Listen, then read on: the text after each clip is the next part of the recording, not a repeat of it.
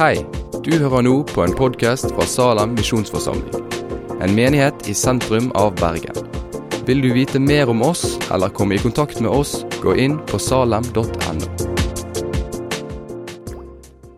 God søndag. Jeg heter som Kristian sa David og begynte å jobbe her i Salem i mars. I dag så har vi satt opp en av søndagens tekster som preiketekst. For ordens skyld så, så, er det i dag satt opp to ulike tekstreker. Én for sankthans og én for femte søndag i treenighetstiden, eller noe sånt som det heter. Men i dag er det sankthans. Og um, Sankthans det markerer vi til minne om døperen Johannes. Og han kledde seg litt um, rart, så jeg tenkte jeg kan jo ta på meg denne her.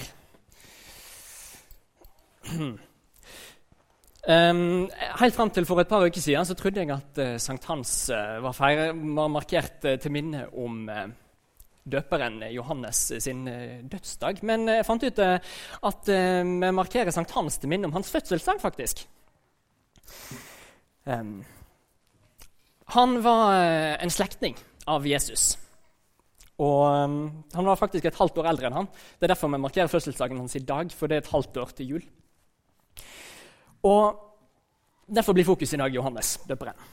Og Han har en ganske spennende relasjon til Jesus eh, som vi skal se litt nærmere på. Og Teksten tar utgangspunkt eh, altså, Vi tar utgangspunkt i Matteus kapittel 11. Så hvis du har med deg en bibel, så kan du slå opp. Før vi begynner på teksten, så litt bakgrunn. Eh, hva har skjedd før vi kommer til kapittel 11? Både Johannes og Jesus sine foreldre har fått beskjed fra Gud om at barna deres skulle bli noe spesielt. Faren til Johannes han heter Zakaria. Og han fikk beskjed om at Johannes skulle bli til glede for Gud og glede for mange. Og han skulle få mange i Israel til å vende om til Herren Gud. Og han skulle gå foran Gud sjøl i den ånd som Elias hadde. Og Elias han var en profet i Gamle Testamentet, og han kledde seg omtrent sånn. Han gikk i en sånn kamelhårskappe og hadde et belte rundt livet. Så Derfor kledde Johannes seg på samme måte. Jesus sine foreldre de hadde fått beskjed om at han skulle frelse sitt folk fra sine synder. Johannes han vokste opp, eh, og det står om han at han holdt seg i ødemarken fram til den dagen han skulle begynne sin gjerning. Til den dagen han skulle stige fram for Israel. står det. Og Han begynte å kle seg som den gamle profeten Elia, og så begynner han å døpe. Og hele folket i Jerusalem og omkring kommer ut for å se hva er det som skjer her. Han døper, og så sier han 'venn om'. Jesus han kom òg til Johannes for å bli døpt. Og etter Jesus ble døpt, så reiste Jesus òg ut i ødemarken.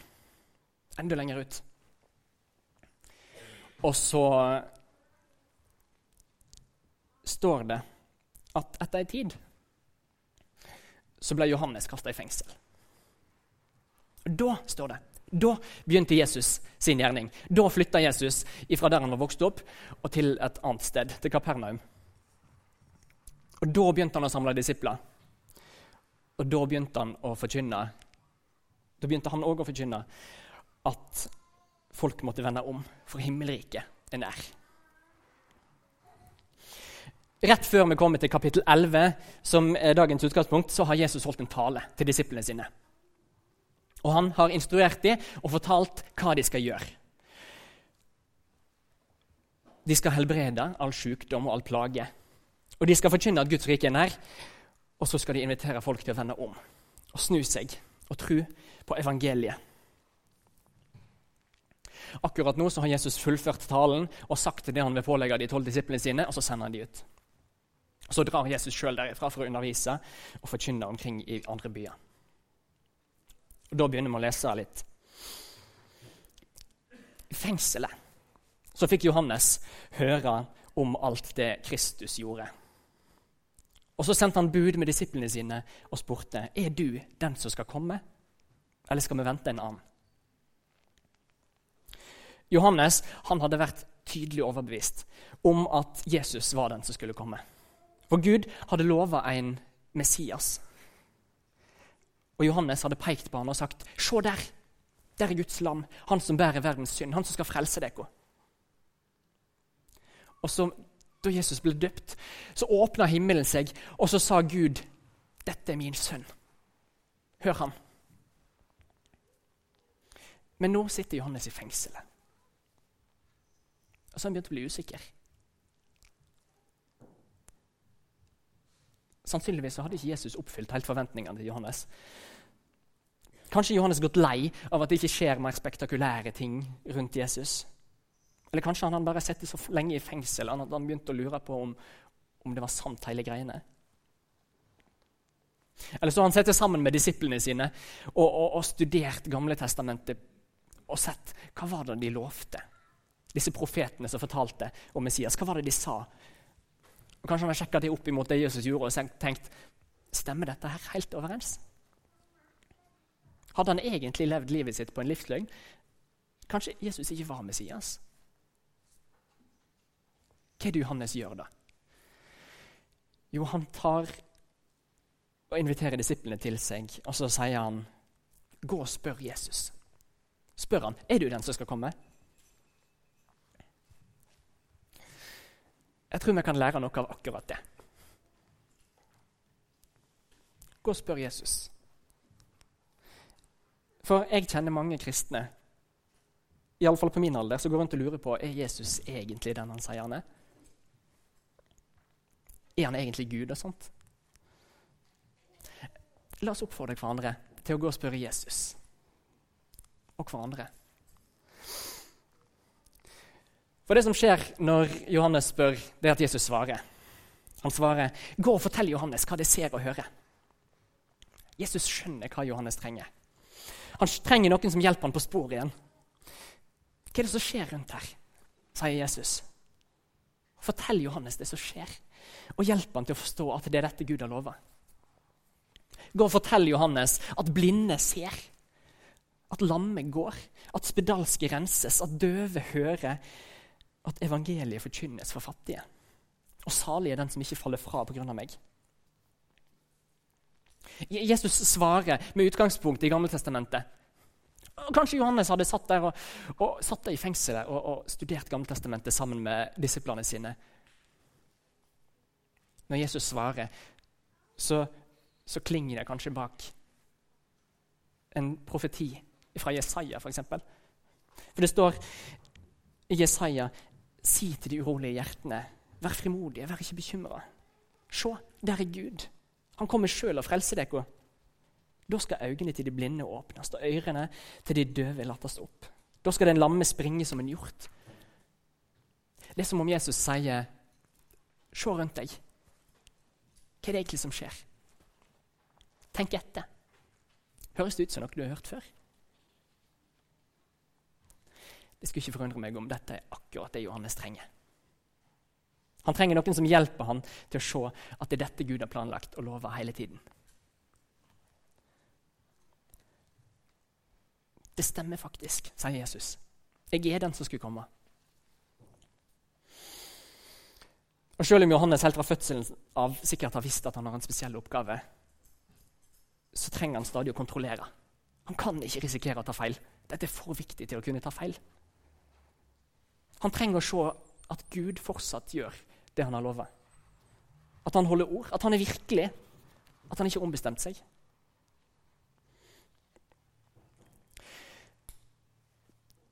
Som kristne så trenger vi òg hjelp fra hverandre til å forstå det Gud gjør iblant oss. Det som skjer rundt oss. For Johannes så er det like viktig at Jesus svarer med utgangspunkt i Gamle testamentet som det at det faktisk skjer fancy ting rundt han. Kan vi ta det som en oppfordring fra Johannes? Å studere Bibelen, sånn at vi skjønner hva Gud sier og han har sagt. Sånn at vi kan kjenne igjen det Gud har sagt skal skje, når det faktisk skjer.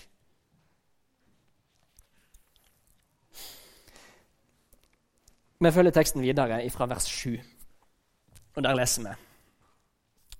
Da Johannes sine disipler gikk bort, begynte Jesus å tale til folket om Johannes. Hva dro de ut i ødemarken for å se? Et siv som svaier i vinden? Nei. Hva gikk det ut for å se? En mann kledd i fine klær? Nei, de som går i fine klær, de bor hos kongen. Men hva gikk det da ut for å se? En profet? Ja, jeg sier dere mer enn en profet. Jesus, Jesus spør folket hva var det som førte til at det brydde dere sånn om han Johannes. Han som sitter i fengsel nå. Hva var det med det han sa og gjorde som, som gjorde at hele folket fra Jerusalem strømte ut til Jerusalem? Ut til elva der han døpte, for å høre hva han sa? Var det det, at, var det det at han gjorde det som var inn, det som var kult? Nei. Var det det at han kledde seg så fancy? Nei, det var ikke det. For Johannes var ikke bare populær, han var ganske upopulær òg.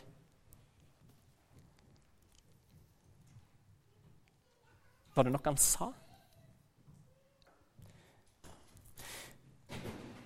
Jesus sier til folket rundt De skjønte at det var et eller annet spesielt med han. Og, og så tenkte de kanskje det er et eller annet som, som jeg ikke helt klarer å sette fingeren på. Men det er noe spesielt. Og så bekrefter Jesus.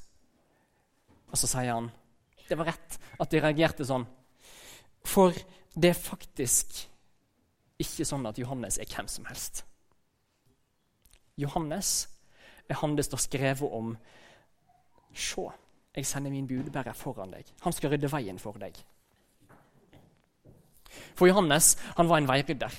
Han skulle gå foran Gud sjøl når han kom til folket. De to siste årene så har jeg bodd midt i Oslo, rett ved siden av Karl Johan. egentlig. Og av og til, når jeg har gått hjem på vei hjem, så plutselig, ut fra ingenting, så kommer de susende. Én politimotorsykkel etter en annen. Den ene stopper litt borti veien og, og på en måte stopper med noen taxier og forteller 'stikk av'. Og den andre kjører fram til neste kryss og, og stopper bilene der. De rydder veien. De forteller med det de gjør, at, at, at, nå skjer det noe. For folk begynner å snu seg. og liksom, Hva er det som skjer her nå? Og ganske riktig, etter en liten stund så kommer den ene svarte Mercedesen etter den andre kjørende oppover. Med sånne registreringsskilt der det står A1, A2, A3 på rekke og rad. Det er kongen. Kong Harald. Johannes han var en sånn politimann på motorsykkel. Han rydda veien for kongen.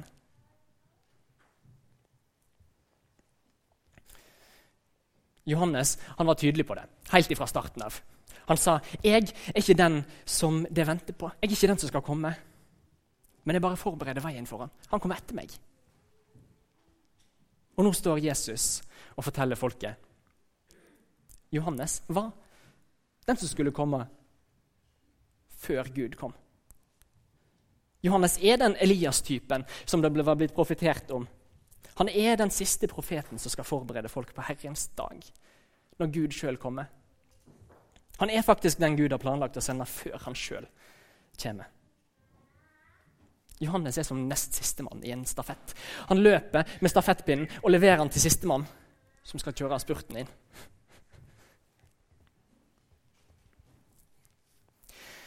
Videre så sier Jesus blant de som er født av kvinner så har det ikke stått fram noen større enn døperen Johannes. Men den minste i himmelriket er større enn han. Jesus bekrefter Johannes og det han har gjort. Han gjorde alt sånn som han skulle, sier Jesus. Han er faktisk den viktigste han, han har den viktigste oppgaven av alle mennesker. Men han er fortsatt et menneske. Husker de Moses i Gammeltestamentet? Han, han, fikk, han, han fikk et oppdrag fra Gud å følge israelsfolket ut av Egypt. Han ledet de ut av Egypt og fulgte de dag ut og dag inn gjennom ørkenen i 40 år. Og så kom de til elva når de skulle gå inn i det nye landet. Og så fikk ikke Moses være med inn. Han fikk bare se det på avstand. Og Litt sånn er det med Johannes òg. Han fikk se noe stort og flott noe. Men så fikk han ikke helt se det. Han så det bare på avstand. For han døde før Jesus var ferdig med det han skulle gjøre. Men, men hva mener Jesus med at han er den største av de som er født av kvinner? Men at folk i himmelriket er ikke større. Er ikke, er ikke, det, er ikke det mennesker som kommer inn i himmelriket? Er ikke vi alle født av kvinner? Nei, sier Jesus. Vi er ikke alle født av mennesker. For, for Jesus altså, Evangelisten Johannes, en annen Johannes forteller at Jesus kom til sine egne, mens han egne tok ikke imot ham. Men alle de som tok imot ham, de ga han rett til å bli Guds barn. De som tror på hans navn. De er ikke født av kjøtt og blod. De er ikke født av menneskevilje eller mannsvilje. De er født av Gud. Og Hvis du har tatt imot Jesus, da er du ikke født av et menneske lenger. Da er du født av Gud. Da er du Guds barn. Da har du fått se noe større enn det Johannes fikk se.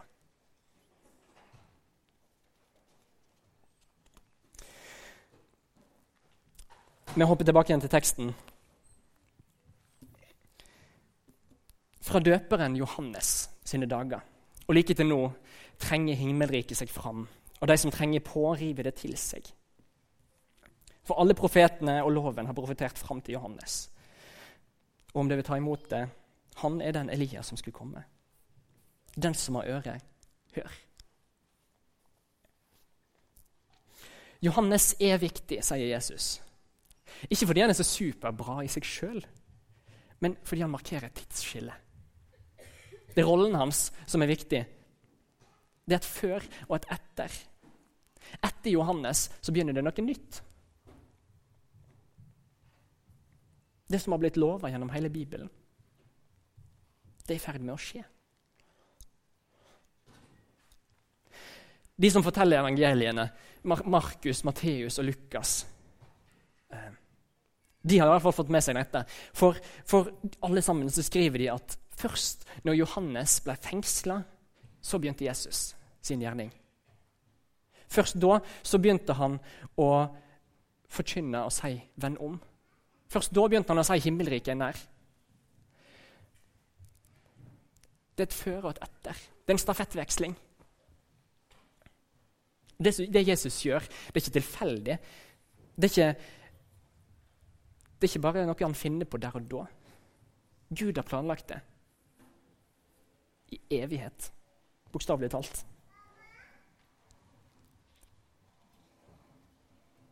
Det gjelder faktisk òg i dag. Altså, hvis Gud har planlagt noe og lover noe, så skjer det sånn som han vil. Ikke nødvendigvis når vi gjerne skulle ønske at det skjedde, men når han har planlagt at det skjer. Men hva er det Jesus sier? Jo, Han sier at loven og profetene har profetert fram til Johannes. Alt som skulle kreve om skapelsen, om israelsfolket, om konger, dommere. Gjennom alle profetene og alle dikterne. Det er skrevet med det som skjer nå i kikkerten. Nå er det i ferd med å skje, det som har blitt lova gjennom hele historien.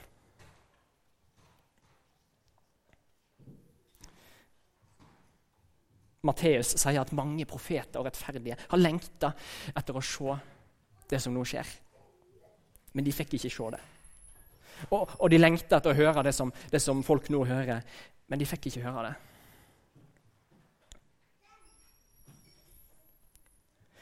Fra døperen Johannes sine dager og like til nå trenger himmelriket seg fram.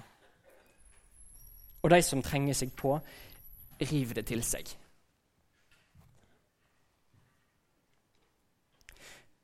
Hva er egentlig dette himmelriket som Jesus snakkes masse om?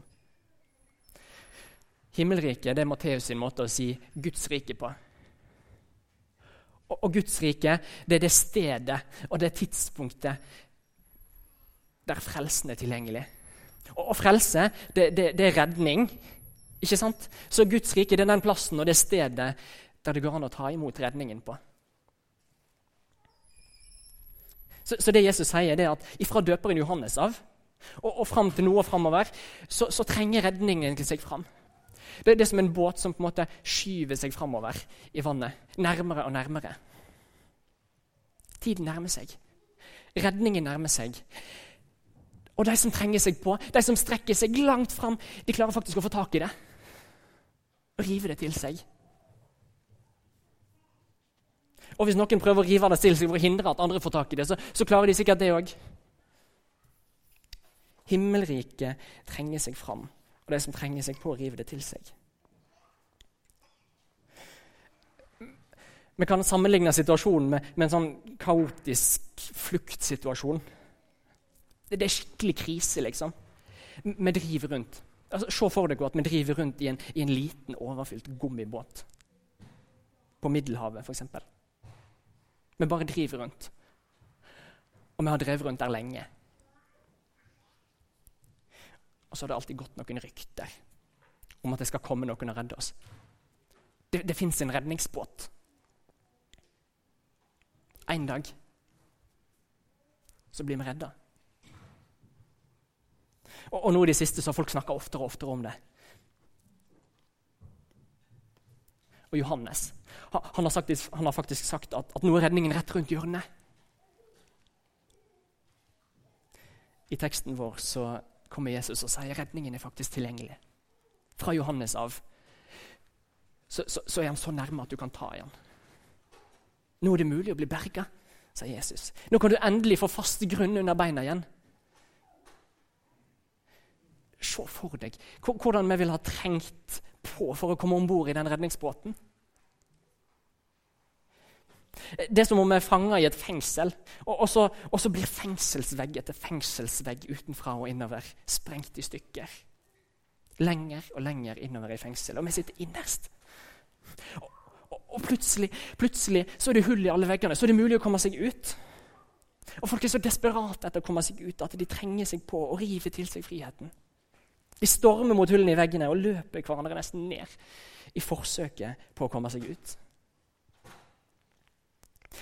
Jeg ser for meg den trengselen det må ha vært om bord på Titanic da passasjerene oppdaga at det ikke var plass i livbåtene til alle. Det må ha vært en stor trengsel. Jeg ser for meg sånne sultkatastrofer der, der folk er så desperate at de stormer hver lastebil de ser, fordi kanskje er det noe mat. Det er gedigent trøkk. Alle vil være med. Alle vil ha en bit. Og plutselig så, så, gir en del av de fortellingene til Jesus om Guds rike ny mening. Den om han mannen som fant en verdifull skatt i åkeren. Eksempel. han gjemte den godt i håp om at ingen andre skulle finne den. Og så løp han hjem til seg sjøl og solgte alt han eide for å få råd til kjøperen. Og så kjøpte han åkeren. Den betydde alt for han. Han måtte ha den. Tidligere så har jeg sett for meg liksom at, at, den historien der handler om, handler om en, en, en, riking. Eller, eller altså iallfall en passeriken, kanskje sånn som oss nordmenn. Som, som, finner en skatt. Kanskje sånn 50 000 kroner eller et eller annet sånt. Altså vinner i Lotto. Det er fint å ha litt ekstra, liksom. Men det er ikke det det er snakk om. Det er ikke det Johannes forteller om. Det er ikke bare snakk om å øke sin egen rikdom Altså, Han mannen som finner en åker, han er skatt i åkeren, han er jo en helt vanlig mann. Kanskje har han lånt opp etter ørene. Han må faktisk selge alt han eier for å få råd til å kjøpe den åkeren. For det han funnet, det er jo redningen. Det er en skatt som kan gi han liv. Med, med den så kan han kjøpe seg fri. Han er ikke lenger fanga.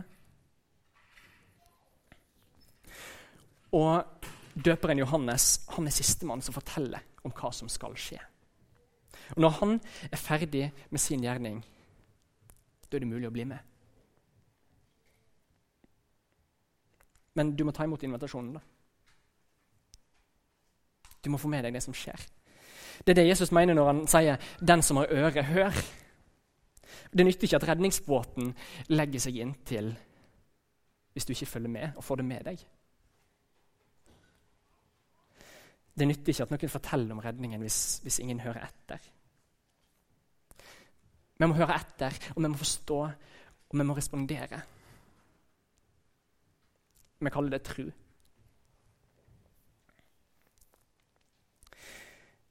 I, I, teksten videre så fortsetter Jesus med å sammenligne folk rundt ham med barn som roper til hverandre på torget, som leker. Men leken har gått i stå. Det funker ikke sånn som det skal. Og andre plasser så sammenligner Jesus folk rundt seg med, med folk som blir invitert til et bryllup. Og så unnskylder de seg én etter én for at de ikke kan komme, og spør om de kan få slippe. Jeg er så opptatt med å drive på med de tingene mine her inne i fangehullet mitt. Kan, kan jeg ikke bare få være her? Det passer så dårlig å bli satt fri nå. Jeg trives egentlig ganske godt her ute i den gummibåten. jeg. Altså, det gir ikke mening. For Johannes kom, han verken spiste eller drakk, og folk sier han har en ond ånd i seg. Menneskesønnen kom, han spiser og drikker, og de sier 'se for en storheter og vindrikker', venn med tollere og syndere. Folk bare peker og ser og kommenterer. De skjønner ikke hva det er de går glipp av. Er det rart at Jesus fortviler? Det står at da Jesus så alt folket, så fikk han inderlig medfølelse med dem. For de var forkomne og hjelpeløse. Som sauer på egen hånd langt ute i ødemarka. Og så sa han til disiplene sine Havet er stort og fullt av overfylte båter. Men det er lite mannskap til redningsbåtene. Be derfor han som er sjef, han som leder redningssentralen, og sende ut flere mannskap, så de kan hente inn alle folkene.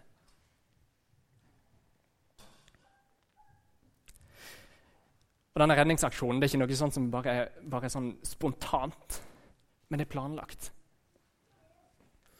Den ene leseteksten som er satt opp i dag, er fra apostelgjerningene 13. og Der forteller Paulus til en menighet og sier han som er Gud for israelsfolket. Han valgte ut fedrene. Abraham, Isak og Jakob. Han gjorde dem til et stort folk da de var innflyttere i Egypt. Før han førte de ut derifra med en maktdemonstrasjon av de sjeldne. I 40 år så bar han de på sine armer i ødemarken. Så utrydda han sju folkeslag for å gi de landet sitt, og han delte landet mellom de. Etterpå så ga han de dommere i 450 år, fram til profeten Samuel. Og Da ba de Gud om en konge, og så ga han de Saul i 40 år, og deretter David. Og Så sa Gud til David Jeg fant David, en mann etter mitt hjerte. Han skal gjøre alt det jeg vil. Og av Davids etterkommere så lot Jesus, så lot Gud, en frelser for Israel, stige fram. Sånn som han hadde lova. Det er Jesus. Og Før Jesus kom, så hadde Johannes forkynt omvendelsesdåp for hele israelsfolket. Og Da Johannes fullførte livsløpet sitt, så sa han jeg er ikke den det holder meg for å være. Men etter meg så kommer det en, og jeg er ikke verdig til å løse sandalen av foten hans engang. Det var til oss ordet om denne redningen ble sendt. For Poenget med å snakke om Johannes i dag det er ikke Johannes sjøl. Poenget er Jesus og den redningen han bringer med seg. Gud han har planlagt denne redningsaksjonen fra evighet av. Og Denne planen har han nå fortalt om i slekt etter slekt etter slekt. Fra Abraham av og helt fram til Johannes. Og nå, endelig, er planen satt i verk. Nå er redningen kommet. Og spørsmålet da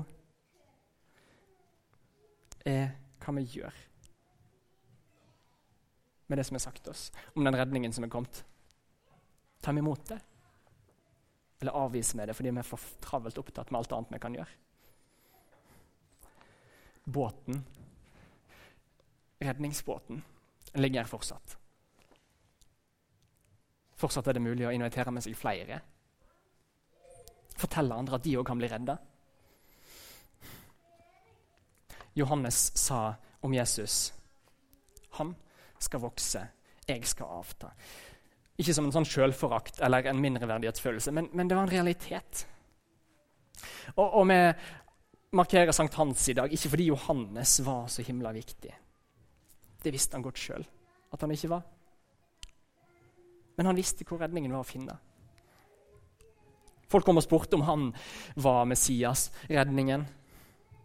Men han måtte si at nei, jeg er ikke det. Men han kunne vise vei. Han bare peka og sa se, der er redningen. Der er friheten. Velkommen. Bli med. Gud inviterer deg med. Redningen er fortsatt tilgjengelig. Og den redningen Gud har planlagt, den er fortsatt mulig å bli med på. Invitasjonen står der. Han kan gi deg friheten. Han har gitt oss friheten, vi som tror på Han.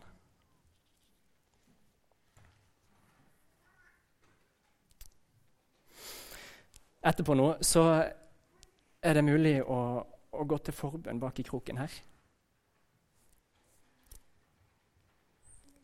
Og det er mulig å be noen om å be for deg, hvis du ønsker det. Vi kan hjelpe hverandre tilbake til Jesus om vi har mista fokus. Og om vi, om vi blir usikre på om vi egentlig er i båten eller ikke. Vi kan få hjelp til å komme om bord for første gang. Vi som har tatt imot Jesus fra før, vi er alt om bord i redningsbåten. Og der er Jesus òg, så kan vi gå til ham med alt det vi strever med. Og hvis du ikke har tatt imot Jesus, så er du alltid velkommen inn til han.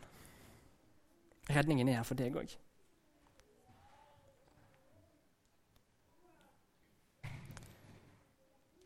Det er egentlig dette vi driver menighet for, er ikke det det? Det, det er derfor vi møtes til gudstjeneste. For å minne hverandre på hva det er Gud har gjort for oss. Og hva det er han lar oss være med på.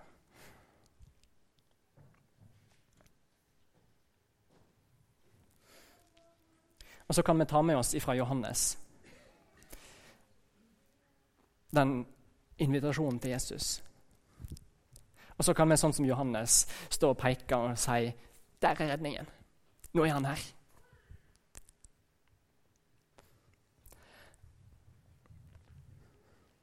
Og så er ikke det alltid sikkert at vi blir så veldig populære.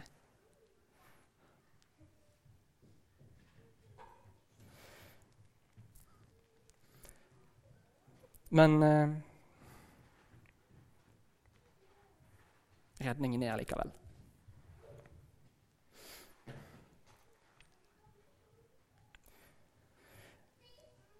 La oss avslutte med den invitasjonen som selv, Jesus sjøl gir på slutten av det kapittelet her. For på slutten av kapittel 11 her, etter at Jesus har sagt alt det han har sagt, og klagd over de folkene som ikke tar imot så sier Jesus, 'Kom til meg', alle de som sliter og har tungt å bære. Og jeg vil gi dere hvile. Ta mitt åk på og lær av meg, for jeg er mild og audmjuk i hjertet. Så skal dere finne hvile for deres sjel. For mitt åk er godt, og min byrde er lett. Amen.